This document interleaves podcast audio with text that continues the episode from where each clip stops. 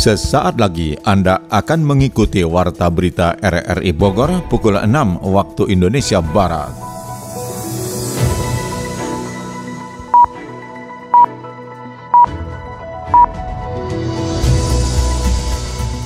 Selamat pagi, Saudara, Warta Berita RRI Bogor akhir pekan, Minggu 20 Februari 2022, kami isi dengan rangkuman berita sepekan. Siaran ini dapat Anda dengarkan melalui aplikasi RRI Play serta turut disiarkan Radio Tegar Beriman Kabupaten Bogor. Bersama saya Mukhlis Abdillah, inilah rangkuman berita sepekan selengkapnya.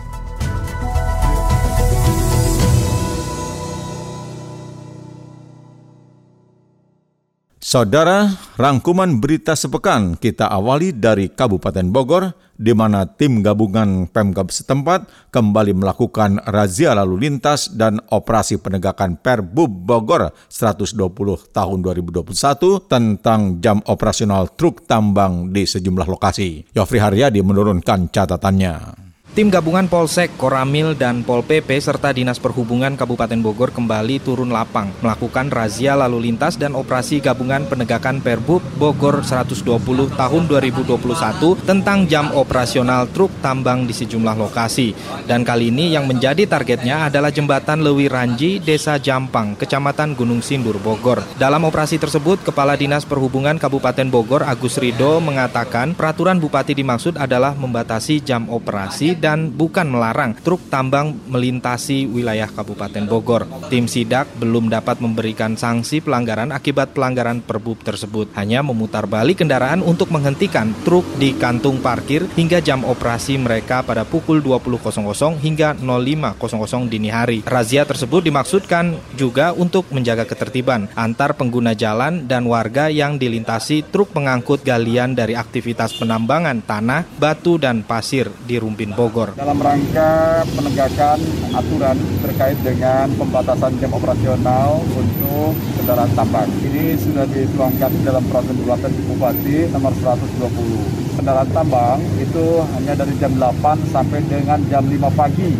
ya. Begini, ini secara bertahap sementara kita putar balikan dulu ya.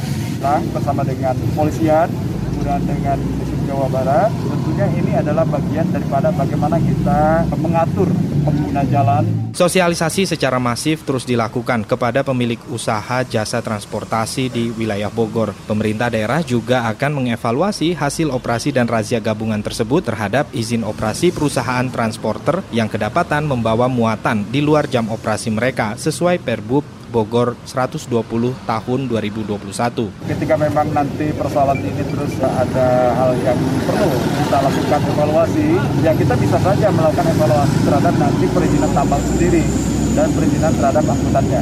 Kegiatan operasi dan razia gabungan dilakukan di lima pos pemeriksaan secara bersamaan di Cigudeg, Parung Panjang, Gunung Sindur, dan Rumpin Bogor. Adanya operasi itu pun berimbas dengan lancarnya arus lalu lintas di kawasan itu. Penertiban PKL di kawasan Surya Kancana Kota Bogor tidak berjalan mulus seperti dilaporkan Sony Agung Saputra. Aparat gabungan pemerintah Kota Bogor dan TNI Polri melakukan penertiban pedagang kaki lima PKL di kawasan Surya Kancana Bogor. Ternyata tak sesuai dengan yang diperkirakan. Pada saat petugas datang untuk menertibkan ternyata di tempat tersebut tak dipenuhi para pedagang seperti hari-hari biasa. Kondisi di Jalan Lawang Saketeng, Pasar Pedati dan sekitarnya pada Rabu malam lalu itu saat dilakukan penertiban hanya terlihat beberapa pedagang saja seperti dikatakan di Rut Berumda Pasar Pakuan Jaya Muzakir.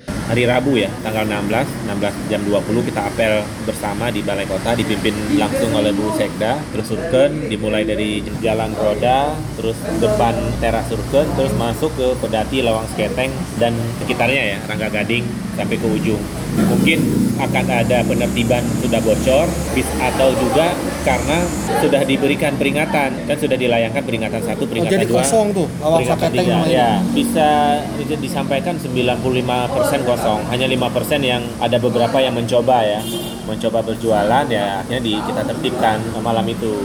Semalam malam kedua kita coba membuat pola ya kan tadinya di edaran kita langsung tiga malam sekaligus Padahal pihaknya Tutur Muzakir sudah memberikan keleluasaan bagi para pedagang untuk menempati sejumlah blok di Pasar Bogor. dengan biaya retribusi yang rendah, yaitu hanya berkisar 15 hingga 20 ribu rupiah per lapak per malam.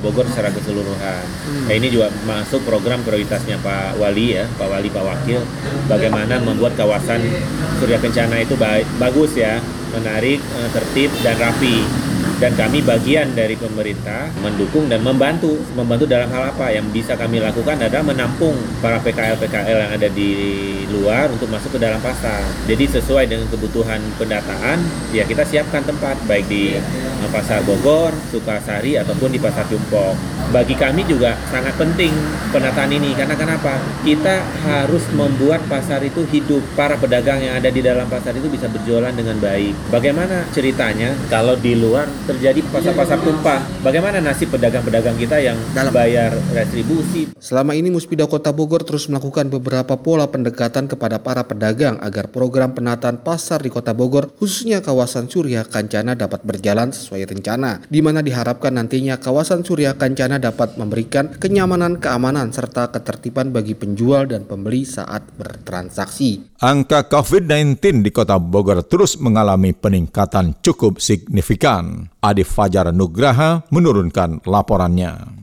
Pembelajaran tatap muka atau PTM di Kota Bogor tidak akan dilakukan sebelum angka kasus COVID-19 menurun. Mengingat selama ini klaster pendidikan turut menyumbangkan peningkatan kasus yang cukup signifikan di Kota Hujan. Seperti ditegaskan Wali Kota Bogor Bima Arya, di mana pihaknya tutur Bima selama ini telah mengambil langkah-langkah strategis dalam mengantisipasi penyebaran COVID-19, khususnya varian Omikron seperti dengan melakukan perpanjangan pemberhentian PTM di semua jenjang sekolah sejak 15 hingga 21 Februari. Kita pantau angka COVID-nya per hari, selama lonjakannya masih tinggi dan merayap terus tingkat keterisian tempat tidur, PTM belum akan kita berlakukan. Dan kita masih terus melakukan tracing, kasus-kasus yang ditemukan di sekolah-sekolah, ini angkanya terus naik. Jadi selama angka belum terkendali, belum akan kita buka pembelajaran tatap muka, karena risikonya terlalu tinggi. Ya, dilaporkan juga ledakan kluster keluarga ini terjadi karena kluster sekolah. Siswa-siswi yang juga menularkan orang tuanya, kakek neneknya,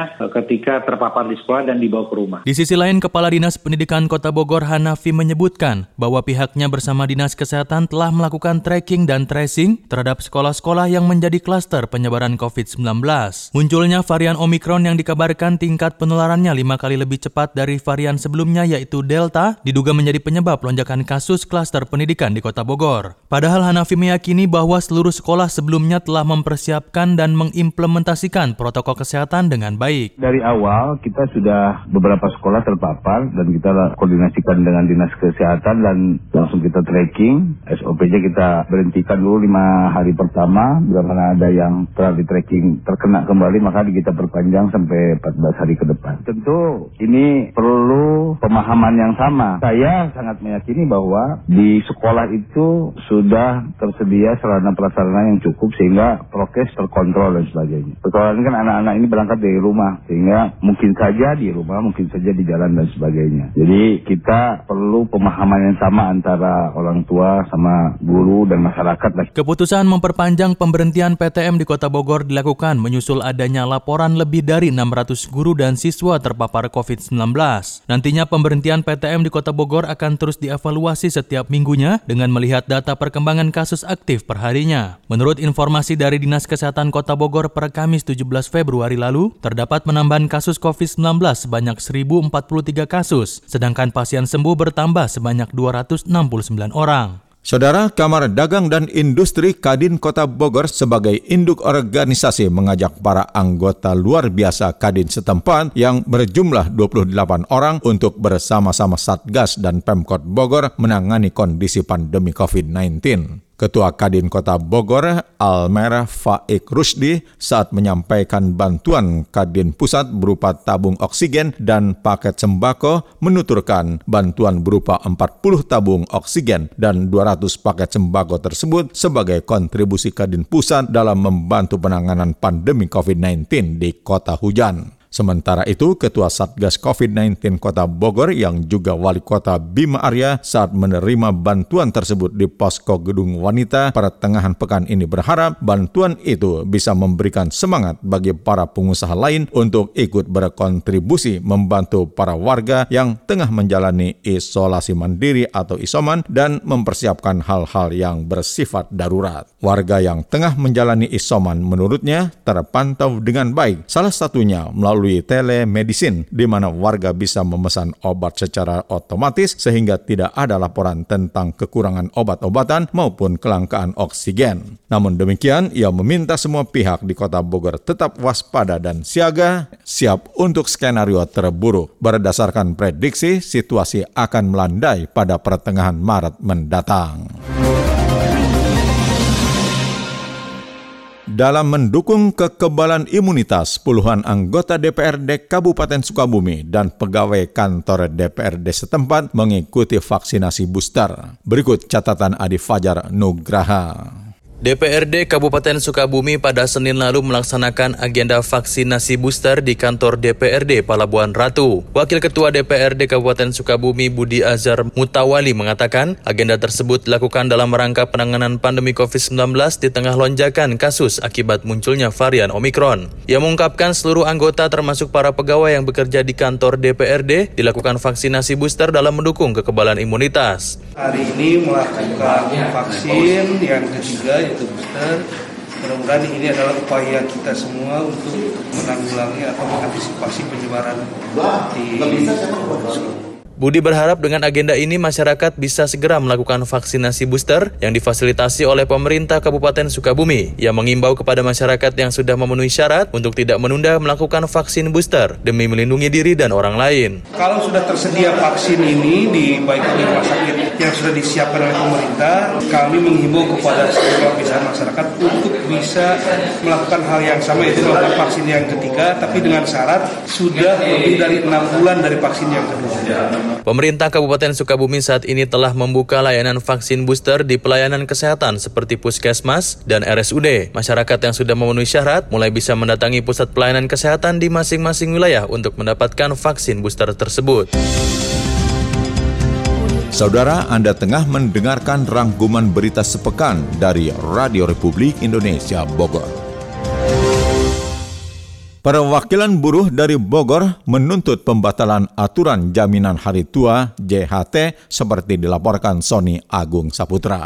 Puluhan buruh asal Bogor berangkat ke Jakarta menuntut perbaikan aturan jaminan hari tua JHT Rabu pagi. Mereka menuju Jakarta dengan menggunakan kereta komuter lain dari stasiun Bogor menuju ke Jakarta. Salah seorang pendemo asal Bogor, Eka Priyakusuma menjelaskan kedatangan ke Jakarta untuk bergabung bersama rekan buruh dari berbagai daerah Jabodetabek menuntut perbaikan aturan program jaminan hari tua kita berangkat ke Kemenaker RI di Jalan Gatot Subroto, Jakarta untuk menolak rencana pemerintah yang akan mengeluarkan Permenaker nomor 2 tahun 2022 mengenai tata cara pencairan BPJS tentang JHT. Ketua Serikat Pekerja Nasional SPN Kota Bogor Budri Mudrika menjelaskan aturan jaminan hari tua yang tertuang dalam Permenaker nomor 2 tahun 2022 merugikan kaum buruh. Dalam aturan tersebut jaminan hari tua bisa bisa diambil setelah usianya mencapai 56 tahun. Sementara kaum buruh saat ini banyak yang terkena PHK sehingga mereka harus cepat mengambil dana pensiun ketenaga kerjaan untuk berbagai kebutuhan. Dasarkan hal itu, maka buruh dari Bogor dan sekitarnya menuntut agar Menteri Tenaga Kerja dapat menganulir aturan terkait JHT tersebut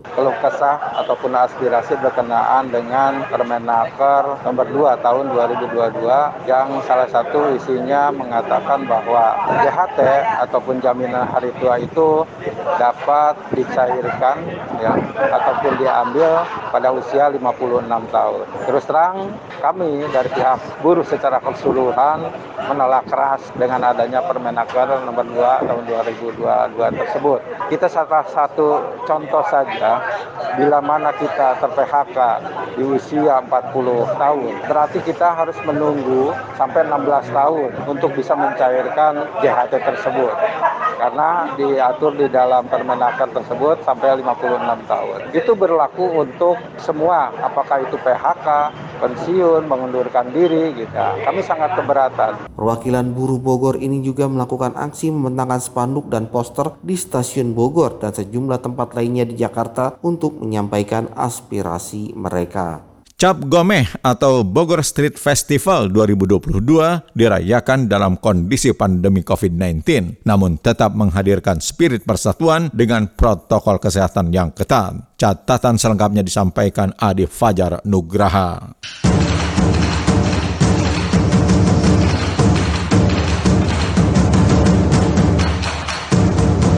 Kawasan Surya Kencana Bogor akan selalu menjadi perhatian ketika cap gomeh berlangsung malam puncaknya di kota Bogor. Saat ini adalah tahun kedua Bogor Street Festival dilaksanakan di tengah pandemi COVID-19. Suasana masih terlihat ramai walaupun dengan protokol kesehatan yang sudah disiapkan. Bagaimana selengkapnya Bogor Street Festival 2022 berlangsung? Ikuti perjalanan saya, Adi Fajar Nugraha, di kawasan Surya Kencana, Kota Bogor.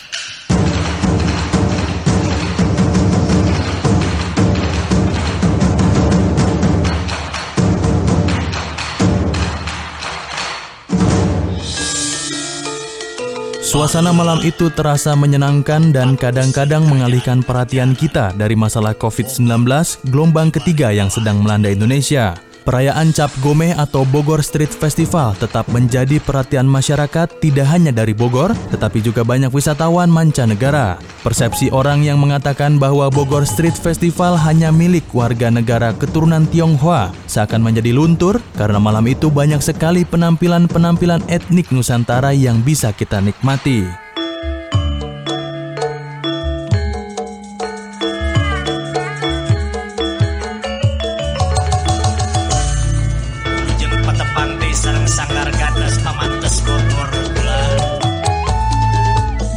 Bogor Street Festival merupakan salah satu agenda wisata nasional. Hal tersebut terlihat dari tamu yang datang, seperti Menteri BUMN Erick Thohir. Ketua Panitia Bogor Street Festival Cap Gomeh 2022 Arifin Himawan mengatakan bahwa Bogor Street Festival adalah ajang yang mempersatukan bangsa walaupun di tengah keterbatasan. Semoga kiranya dengan persembahan yang sangat sederhana sekali ini bisa betul-betul kita rasakan harapan kita di tahun yang baru ini untuk bisa sama-sama juga kita hadapi tahun-tahun yang akan datang. Jadi saya kira ini adalah wujud daripada embracing diversity yang kita harapkan. Kita merangkul semua perbedaan untuk menjadi satu. Sebagai sebuah event nasional, tentu akan terbayangkan dengan suasana yang meriah dan mewah, namun sedikit berbeda ketika dihadapkan pada pandemi COVID-19.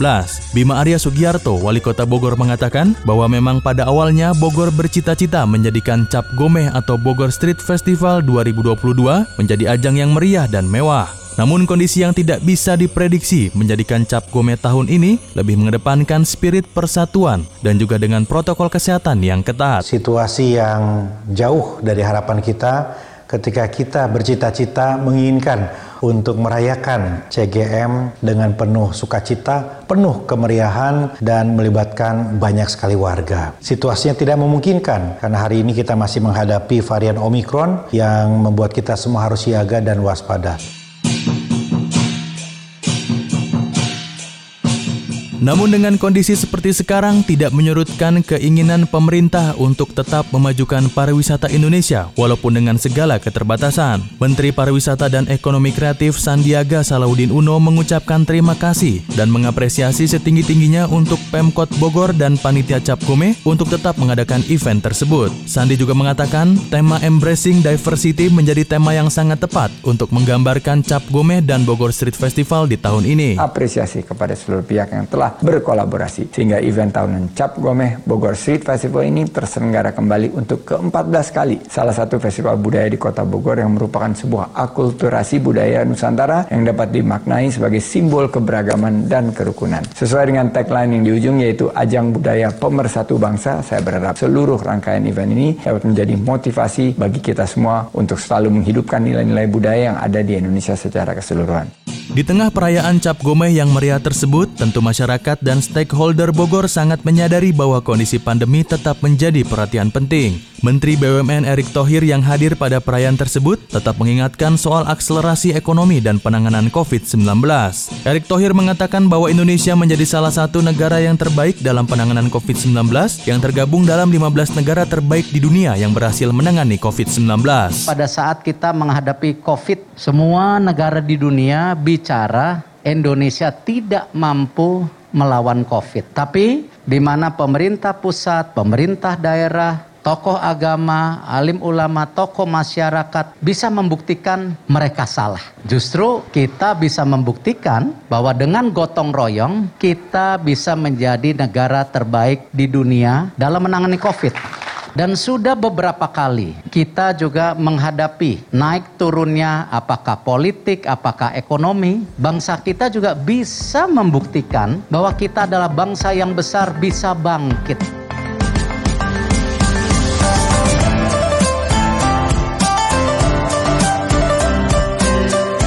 Bogor Street Festival Cap Gomeh 2022 merupakan bukti bahwa Indonesia mencoba hidup berdampingan dengan COVID-19. Status PPKM level 3 di Jabodetabek tidak menjadikan Indonesia menyerah dengan keadaan, namun kesadaran masyarakat terhadap protokol kesehatan sangat penting untuk tetap menjadikan Indonesia maju dan bangkit dan tetap menyatukan bangsa Indonesia. Acara tahunan itu pun ditutup dengan pembacaan doa lintas agama yang menggambarkan keberagaman dalam Bogor Street Festival Cap Gomeh 2022. Marilah kita berdoa bagi yang beragama Islam. Bismillahirrahmanirrahim. Alhamdulillahirabbil alamin. Hamdan naimin, hamdan syakirin. Doa secara gereja Katolik dalam nama Bapa dan Putra dan Roh Kudus. Allah Bapa yang bertakhta di dalam kerajaan surga. Puji dan syukur kami haturkan kepadamu atas Kristen Protestan. Bapak Surgawi sungguh kami mengucap syukur dan berterima kasih untuk anugerah keindahan yang tiada tara agama Buddha. Namo Sang Hyang Adi. Doa menurut agama Hindu. Om Om Rahpat Astri Nama Om Atmo Tatu Atmo Semam Sama Om Om Kesama Sampunama Sohom Sri Membantu Suka Membantu Purna Membantu Om. Doa secara Konghucu. Sien Yu Ite Sien Yu Ite Sien Yu Ite Wei Ite Tung Tien Pai Tien Se Wo Sien Yu Ite. Bogor Street Festival Cap Gomeh 2022 Embracing Diversity Saudara, kehadiran tempat pembuangan akhir sampah atau TPAS Lulut Nambo, Kelapa Nunggal Kabupaten Bogor yang akan beroperasi Maret nanti menjadi harapan baru sistem pengolahan sampah berbasis R3.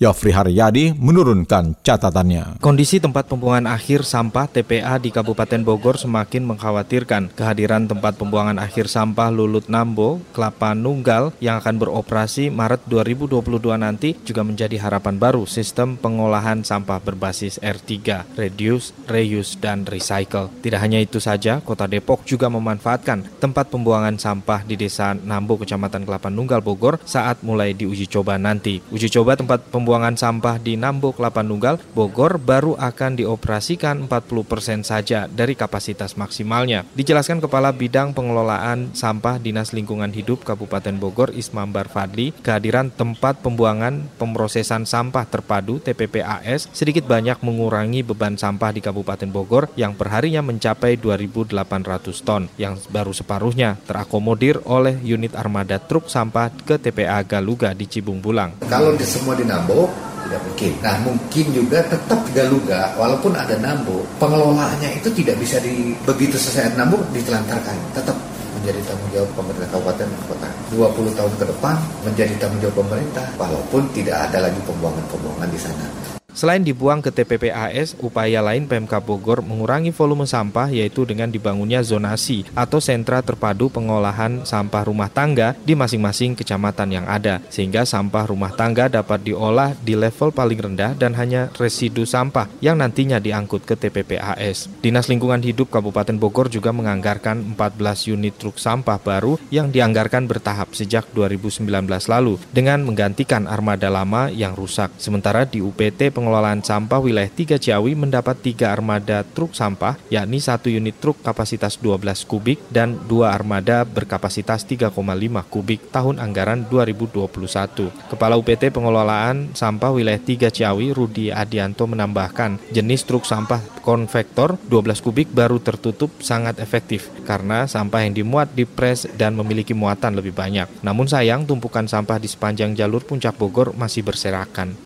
Kalau kendaraan sih itu satunya butuh yang 6 kubik tertutup. Kalau mau satu lagi gitu. Ibaratnya itu untuk untuk ada tidak tercemar ya. Tapi tanggapannya sih warga di Sawah senang dengan adanya konvektor 12 kubik itu. Dicoba dulu sama kita. Begitu kita ditambahkan ya kan untuk dapat mobil pengganti ya konvektor itu sangat membantu tugas kita. Polusi dari segi apa bau kan nggak ada ya. Bisa pekerjaan lebih cepat kalau ngompres itu nggak perlu apa nyusun gitu barang truk taruh set langsung dia langsung dipres. Itu kelebihannya. Tempat pembuangan dan pemrosesan sampah TPPAS Nambo dikelola oleh PT Jabar Bersih Lestari dengan biaya kontribusi sebesar Rp125.000 per ton dan biaya tambahan Rp12.000 per satu kali angkut. Tidak hanya Kabupaten Bogor, Kota Depok juga akan menjadi salah satu pengguna TPPAS Nambo dengan kapasitas kuota sekitar 300 ton per hari. Pekerjaan rumah di wilayah Kecamatan Tanah Sereal, Kota Bogor masih banyak, berbeda dengan kecamatan lainnya. Pemkot Bogor sendiri ingin fokus pada infrastruktur di perbatasan wilayah di mana jangan sampai ada jalan yang rusak, infrastruktur tidak diprioritaskan, serta rumah tidak layak huni. Wali Kota Bogor Bima Arya pada musrembang tingkat Kecamatan Tanah Sereal 2023 secara virtual pertengahan pekan ini berpesan hal itu diakselerasi dioperasikan. Tidak ada lagi pada 2024 warga yang merasa dianaktirikan atau yang di wilayahnya tidak tersentuh Pemkot Bogor. Jalan-jalan di pinggir kota atau perbatasan wilayah harus sama mulusnya dengan jalan-jalan di tengah kota termasuk yang diaspirasikan warga. Ia menilai Tanah Sareal memiliki potensi yang bisa dimaksimalkan yakni kampung berisik dan ekovarian di Kelurahan Sukaresmi dan pada 2024 nanti sudah ada angka signifikan di dua kampung tematik tersebut. Rumah Sakit Umum Daerah RSUD Kota Bogor meluncurkan aplikasi baru bernama Sistem Informasi Manajemen Rumah Sakit atau SIMRS. Aplikasi yang diluncurkan awal pekan ini bertujuan untuk memudahkan warga mendapatkan pelayanan secara digital. Kepala Bidang Pelayanan Kesehatan Dinas Kesehatan Provinsi Jawa Barat, Vini Adiani Dewi menilai aplikasi tersebut yang menjadi satu sistem informasi atau big data sangat diperlukan dalam era digitalisasi saat ini. Kehadiran aplikasi itu dalam rangka memberikan pelayanan kesehatan bagi masyarakat yang mengharapkan pelayanan yang cepat dan tepat sehingga dapat mewujudkan peningkatan pelayanan kesehatan. Sementara itu, Wali Kota Bogor Bima Arya menyatakan satu hal utama yakni ikhtiar yang dilakukan dalam membangun sistem harus betul-betul totalitas, jangan setengah-setengah. Artinya dengan sistem aplikasi baru itu jangan hanya berpikir untuk memudahkan antrean atau mempercepat dalam pelayanan, tetapi ujung-ujungnya nanti mencakup semua kegiatan di RSUD secara transparan. Bima menambahkan tahun ini RSUD Kota Bogor sedang dan akan menyelesaikan proses pembangunan senilai 91,6 miliar rupiah.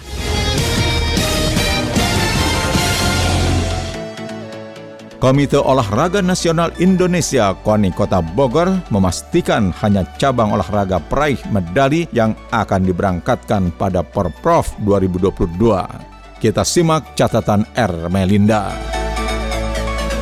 Umum Komite Olahraga Nasional Indonesia KONI Kota Bogor Beninu Argobi memastikan hanya akan memberangkatkan cabang olahraga peraih medali pada Porprov mendatang. Melihat hasil dari evaluasi pada saat babak kualifikasi Porprov Jabar, KONI Kota Bogor sangat optimis jika pada pelaksanaan perhelatan olahraga bergengsi setanah Pasunda nanti target untuk mewujudkan 95 medali bisa terwujud. Raihan prestasi tersebut sesuai yang diprediksikan. Cabang Cabang olahraga bela diri menjadi andalan KONI untuk mendulang medali emas di samping cabang olahraga lainnya seperti menembak. Beninu Argobi memastikan untuk memberangkatkan cabang terpilih guna mewujudkan target tiga besar di Porprov Jabar. Saat ini masih ada waktu bagi cabang olahraga yang masih belum maksimal meraih medali emas untuk bisa mengasah kemampuan atletnya untuk bisa berjaya di tahun 2022 ini. Kami coba sekarang sama ratakan dulu persepsinya, yaitu sekarang adalah bagaimana kita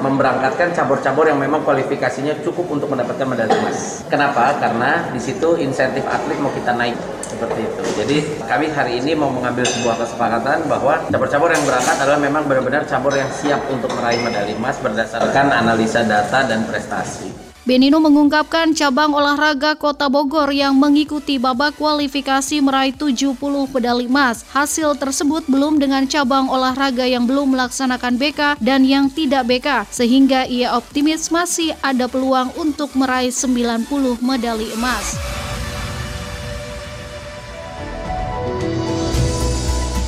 Saudara, demikian rangkuman berita sepekan dari Radio Republik Indonesia Bogor. Anda dapat kembali mendengarkan siaran ini lewat podcast kami di Spotify, Anchor, Podtail, dan Google Podcast. Saya Mukhlis Abdillah merangkap Des Editor bersama penata teknik Novel Noviansyah mengucapkan terima kasih atas kebersamaan Anda. Selamat pagi dan selamat berakhir pekan.